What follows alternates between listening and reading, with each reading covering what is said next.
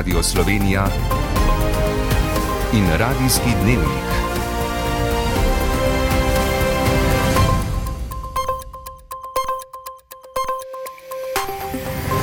Ura je 18 in 30 minut.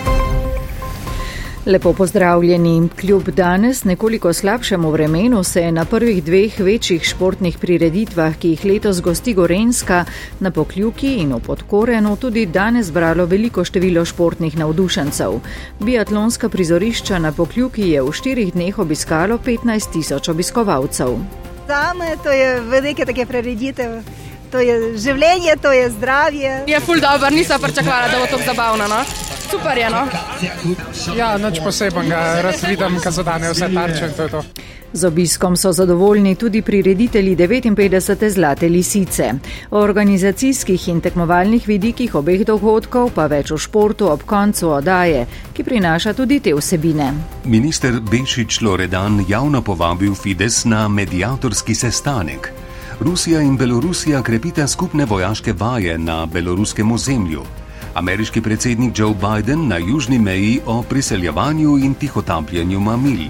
Zvečer in po noči oblačno in vetrovno, da se bo od zahoda razširil na večji del države. Z vami sva Igor Velše in Enisa Brizani. Začenjamo v državnem zboru, ki bo jutri storil nov korak na poti do oblikovanja vlade Roberta Goloba po željah koalicije. Poslanke in poslanci se bodo namreč seznanili z odstopoma ministrov za infrastrukturo in šolstvo Bojana Kumra in Igorja Papiča.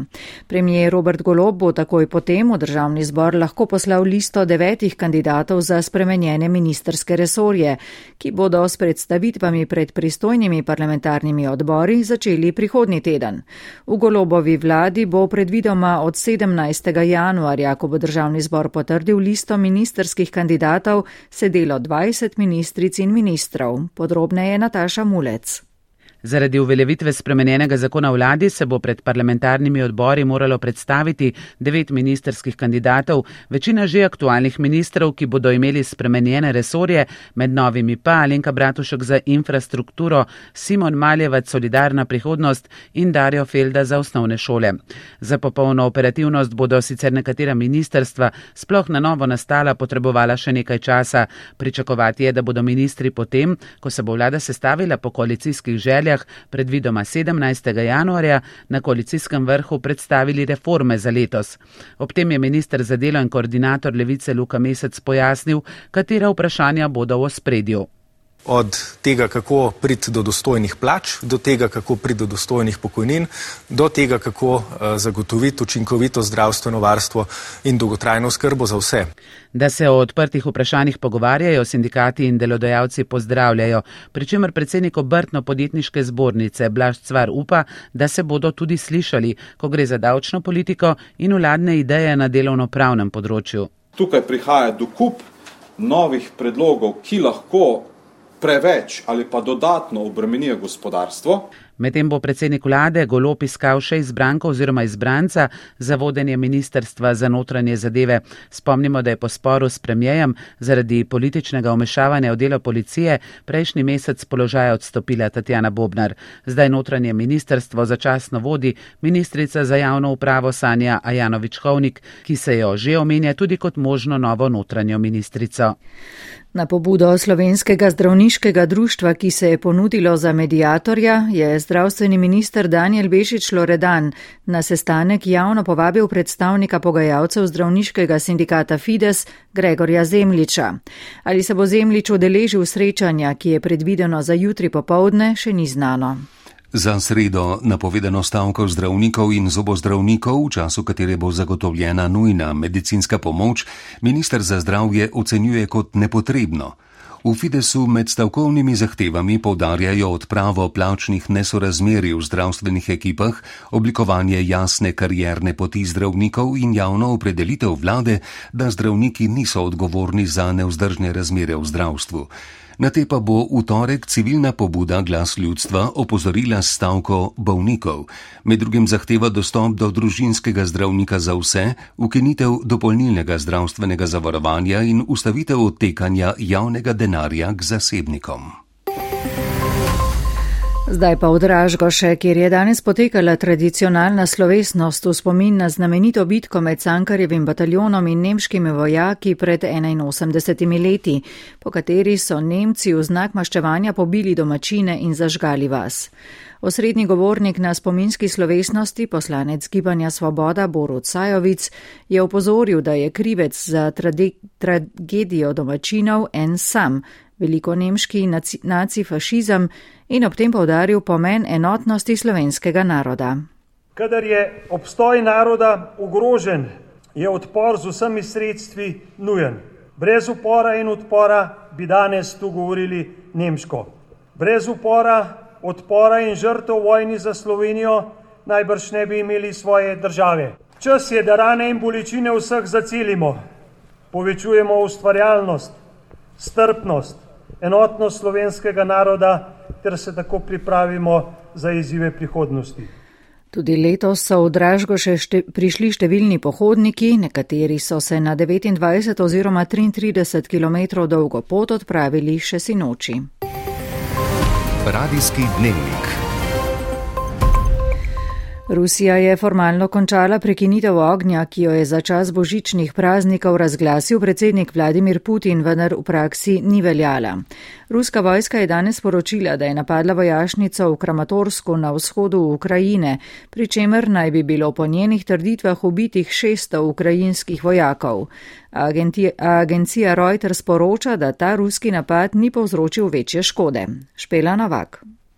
Čeprav je Moskva med praznovanjem pravoslavnega božiča formalno odredila prekinitev ognja, je napade v Ukrajini nadaljevala vs konec tedna. Z privodu premirja, se znajte, jak kolik Putin kaže, što. Veste, kako deluje premirje. Ko Putin pove, da velja premirje, je v resnici ravno nasprotno. Ruska stran nas je vs dan obstreljevala, pove humanitarni delavec v mestu Bahmut, kjer so tudi med formalno prekinitvijo ognja odmevale eksplozije. Kot je še dejal, je raketa poškodovala tudi vozilo njegove ekipe na terenu, ubila enega izmed humanitarnih delavcev, več pa jih hudo poškodovala.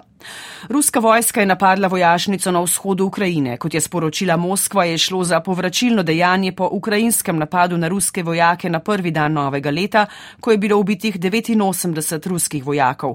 Čeprav ruska vojska zatrjuje, da je povračilni napad zahteval 600 smrtnih žrtev na ukrajinski strani, pa novinari agencije Reuters terena poročajo, da ni sledu o morebitnih žrtvah, niti o tem, da je v vojašnici v času napada bila kakšna oseba. Tudi povzročena škoda naj ne bi bila velika velika. Kijev in Moskva sta si prvič letos izmenjala vojne ujetnike, kar sta potrdili obe strani. Belorusko obrambno ministrstvo pa je medtem sporočilo, da Rusija in Belorusija krepita skupne vojaške vaje na beloruskem ozemlju s podarkom na bojevanju v mestih. V tej državi je tako vse več ruskih vojakov, kar krepi ugibanja, da Moskva pripravlja novo ofenzivo na Ukrajino iz Belorusije. Švedski premijer Ulf Kristersson je izrazil prepričanje, da bo Turčija odobrila vstop Švedske v zvezo NATO, vprašanje pa ostaja kdaj.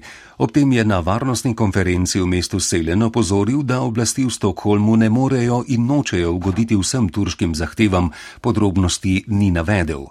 Turčija je sicer doslej najbolj ustrajala pri izročitvi posameznikov obsojenih zaradi članstva v kurdski delovski stranki. Finske oblasti, do katerih ima Turčija manj odprtih zahtev kot do Švedske, povdarjajo, da so pripravljene počakati švedske sosede, s katerimi želijo sočasno vstopiti v zvezo NATO. Nemška policija je sinoči aretirala 32-letnega Iranca, ki naj bi načrtoval napad s cianidom in ricinom. Strupene snovi so našli na njegovem domu v mestu Kastrop Rauxel pri Dortmundu. Sumijo, da bi lahko bil podpornik neimenovane sunitske islamistične skupine. Osumljenec, ki živi v Nemčiji od leta 2015, zanika, da bi deloval v imenu Irana oziroma iranske vlade. Preiskovalci so prijeli tudi brata osumljenca, domnevno zaradi kršitev zakona, ki niso povezane s terorizmom. Ameriški predsednik Joe Biden se je danes prvič, odkar je v Beli hiši, napotil na južno mejo. V, obme, v obmejnem teksaškem mestu El Paso se bo s predstavniki tamkajšnjih oblasti pogovarjal o problemih priseljevanja in tihotapljanja mamil. Jutri bo pot nadaljeval Ciudad de Mexico, kjer se bo srečal z mehiškim predsednikom Obradorjem in kanadskim premijejem Trudojem. Še pred dnevi pa je Biden predstavil novo strategijo obravnave priseljencev. Matej Šurc. Združene države Amerike so sicer država priseljencev, v zadnjih desetletjih pa so pritiski ljudi na južno mejo v iskanju boljšega življenja eden od osrednjih problemov, s katerimi se sooča vsakokratna administracija. Vendar doslej še noben predsednik ni zmogel celovito rešiti tega vprašanja. Število migrantov narašča iz leta v leto. Samo lani so patrulje na ameriško-mehiški meji zajele približno 2,5 milijona ljudi. Koliko jih pobegne, seveda ne ve nihče. Dodatni pritisk na južno mejo pa je pričakovati, ko bo prenehala veljati prepoved zaradi pandemije COVID-19. Predsednik Biden je v četrtek pojasnil glavne točke nove priseljenske zakonodaje, ki je po njegovem človeška, varna in urejena.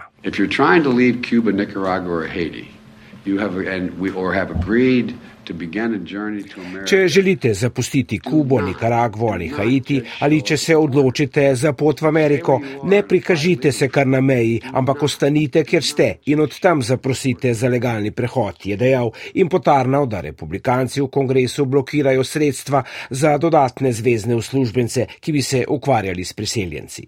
Nova zakonodaja predvideva, da bodo ZDA vsak mesec sprejele 30 tisoč priseljencev iz omenjenih treh držav in še iz Venezuele. Venezuele. Prav toliko nelegalnih priseljencev bodo medtem izgnali domov. Staro za novo bi lahko rekli ali pa lekcija za tiste, ki si pot v ZDA utirajo po nedovoljenih poteh. A kljub prijaznejšim novostim bodo nelegalne migracije ter z njimi brezobzirno tihotapljenje ljudi in mamil obstajale, dokler bo Rio Grande meja med tretjim svetom in ameriškimi sanjami. Neobičajno visoke temperature za ta letni čas se bodo prihodnji teden v višjih legah vendarle spustile k bolj običajnim vrednostim. Po nižinah pa se bo kljub napovedani ohladitvi nadaljevalo razmeroma toplo vreme. Ob tem meteorologi in klimatologi opozarjajo, da pretople zime postajajo stalnica. Po nižinah že nekaj časa opazujemo za ta čas nenavadno cvetenje rastlin, pravi agrometeorologinja Andreja Sušnik tako, da smo že pravzaprav na pragu meteorološke zime, ne, smo že lahko opazovali določene cvetove rastlin, ki jih mogoče po takem tako imenovanem fenološkem koledarju uvrščamo že med znanilke zgodne ali pa prave pomladi. Še bolj skrb zaskrbljujoč je podoben trend pri kmetijskih rastlinah, saj izgubljajo odpornost. Za ta zimski čas nenavadne temperature pa vplivajo na celotno dogajanje v naravi. Čebelarje tako skrbi izletavanje čebel, strokovnjaki jim svetujejo redno spremljanje panjev. Andreja Čokal. Zima z nizkimi temperaturami je zelo pomembno obdobje v življenju vsakega živega bitja in čebele niso izjema. Čebelja družina se na zimo pripravi z manjševanjem zalege in premeščanjem zalog v okolico gnezda, prav tako se v čebelah zgodijo določene fiziološke spremembe. Trenutne vremenske razmere pa imajo drugačen učinek, opozarja specialist za tehnologijo čebelarjenja na Čebelarski zvezi Slovenije Vlado Augustin. Premile zime eh, za čebele niso dobrodošle, eh, kajti ko v teh eh, zimskih toplejših dnevih čebele zapustijo pajne in letajo naokoli in iščejo hrano, trošijo energijo. V naravi sedaj seveda ne bodo našli nič, kar pomeni, da bodo porabili veliko energije za iskanje nečesa, kar ne obstaja. Eh, po drugi strani pa so, ko je hladno, skupaj v gruči, si med seboj delijo toploto in porabijo manj energije. Čebelari, ki so čebele zazimili za dostno količino hrane in jih dobro očistili v roj, se nimajo česa bati, miri Augustin. Kaj pa, če hrane ni dovolj? Lačni in oslabeli družini odzamemo prazne sate ter jim dodamo rezervne medene sate s svetnim prahom, kateri bi mogel imeti vsak uh, dobro čebelar na zalogi. Eh, sate s hrano najprej se grejemo na sobno temperaturo, če je hrana daleč od gnezda, je treba medene sate dodati neposredno ob gnezdo. Vkoliko nimamo teh rezervnih satov s hrano, si pomagamo tako, da nad gnezdo poveznemo kantico, sladkorno raztopino in čebele krmimo kapilarno. Dodajanje sladkorne pogače v tem času Augustin odsvetuje, saj to poveča zalego, čebelja gruča se stisne in ne ogreva več zunanjih zaleženih satov, zato zalega odmre. Še pogled kulturi. V slovenski filharmoniji je bil danes prvi koncert iz letošnjega abonmaja cikla Mozartine. Prispevek je pripravil Andrej Bedjanič.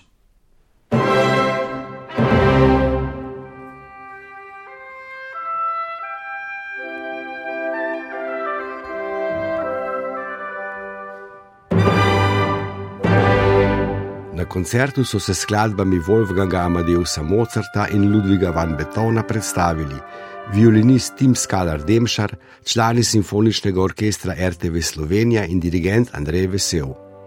Uvodno uverturo k Mozartovi operi Kozi Fantute so člani simfoničnega orkestra RTV Slovenija izveli zauzeto, strnjeno in bleščeče. Sledil je Mozartov koncert za violino in orkester številka 4 v Deduru, v katerem je kot solist nastopil Tim Skalar Demšar. Svoj part je izvedel na visoki umetniški ravni, z odlično tehniko in prefinjeno muzikalnostjo, ter navdušil poslušalcev v skoraj razprodani kozinovi dvorani Slovenske filharmonije v Ljubljani.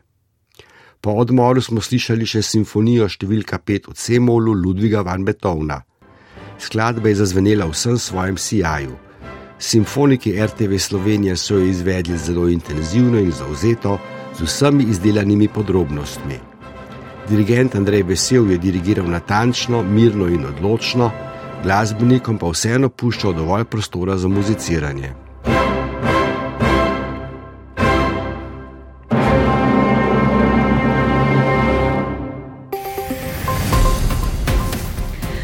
Vabljeni tudi k poslušanju prispevka športnega uredništva. V ospredju bo, poleg domačih prireditev v biatlonu in alpskem smučanju, tudi zmaga rokometašic Krima v Ligi prvakin. Z vami bo Boštjan Janežič. Prijeten večer vam želim.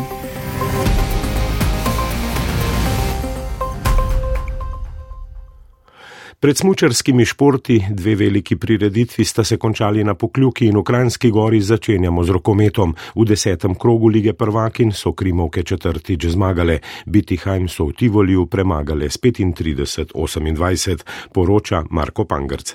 To je druga zaporedna zmaga za slovenske prvakinje, ki so z novim parom točk znova na šestem mestu. Bittingheim je prvo tekmo dobil s sedmimi goli, Krim tokrat tudi v eni najučinkovitejših tekem v sezoni. Gostje so sicer povedle s 3 proti 1, prednost gostiteljic pa je na to zgolj še naraščala v prvem in drugem polčasu, je bilo tudi plus 9. Barbara Arenhart je že v prvem delu zbrala 8 obramb, na koncu pa 13 golov Darje Dmitrijeve, 9 Jovanke Radičevič in 6 Aleksandre Rošjak. Nemške prvakinje so v zaključku prišle do petih golov zaostanka, a slovenske prvakinje so bile v Tivolju enostavno premočne. Nataša Lepoja po drugi domači zmagi skupno četrti v evropski sezoni. Um, jaz mislim, da danes definitivno je bil še boljši napad. Um, obrambi smo tudi bile solidne, jo je tudi za pohvaliti, posebej Barbaro in Zmaja na golu, ki sta nam res držali budne do konca vseh 60 minut. Tako treba nadaljevati in bomo lahko prišli iz grupe suvereno. Prihodni konec tedna sledi gostovanje pri mačarskem Ferencvarošu. Ostajamo v Tivoliju, rezultat po prvi tretjini na tekmi 38. kroga v razširjeni avstrijski hokejski ligi Olimpija Dunaj ničena. 59. zlata lisica je končana. V podkorenu je Mihajla Šifrin z dvema odličnima veleslalomskima vožnjama zmagala 82. Američanka se je po številu zmag izenačila z rojakinjo Lindsay Von. Štiri zmage več ima le še legendarni Ingemar Stenmark. Mihajla Šifrin je sedmič zmagala na zlati lisici, druga je bila Federika Brignone, tretja Lara Gudbehrami. V finalu sta nastopili dve slovenki, do novega uspeha je prišla Ana Bucik, ki je z odlično vožnjo v spodnjem delu osvojila deseto mesto. Sigurno je bil načrt, da tu spodaj zelo napadem, ni pa bil, da, da grem gor manj, eh, mislim, oziroma bolj zadržano. Včasih se nekje boljše znajdeš kot druge, tako da bi to predvsem rekel, da je bilo rezultat tega, drugače želja je bila posod maksimalno napast. Po veliki napaki v zgornjem delu proge je bila Tina Robnik 29. Štefan Hadalin je po skoraj dveh sezonah spet osvojil slalomske točke svetovnega pokala, v Adelbodnu se je uvrstil na 14. mesto, vrh sta zauzela izjemna mlada Norvežana, zmagal je Lukas Broten. Na pokljuki je končana četrta postaja sezone svetovnega pokala v biatlonu. Med mešanimi štafetami, kjer so zmagali francozi, je bila Slovenija 12. Lampičeva je pridobila 7 mest, med mešanimi pari, kjer sta zmagala Norvežana, pa sta bila Kaja Zorčin in Miha Donžan 14.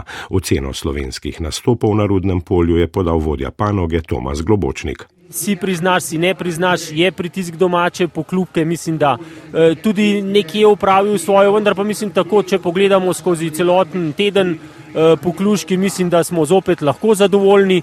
Tudi tokrat se je novoletna tekaška turneja končala na vzponu na Alpe Čermis. Zelo uspešno je turnejo opravila Eva Urevc, ki je dan končala na devetem mestu, skupno je bila dvanajsta. Za zmagovalko švedinjo Karlsson je zaostala nekaj manj kot pet minut. Končni cilj je dosegla tudi Anja Mandelc, pri moških je zmagal Norvežan Hesfot Klebo. Na drugi tekmi svetovnega pokala smučarskih skakalk v Saporu je bila Ema Klinec druga, Nika Križnar je bila peta, Vtičeva pa trideseta in še na klasičnih posamičnih tekmah nordijskih kombinatorcev v Estoniji je bila Ema Volavšek osma, Jrnej Brecel pa sedem.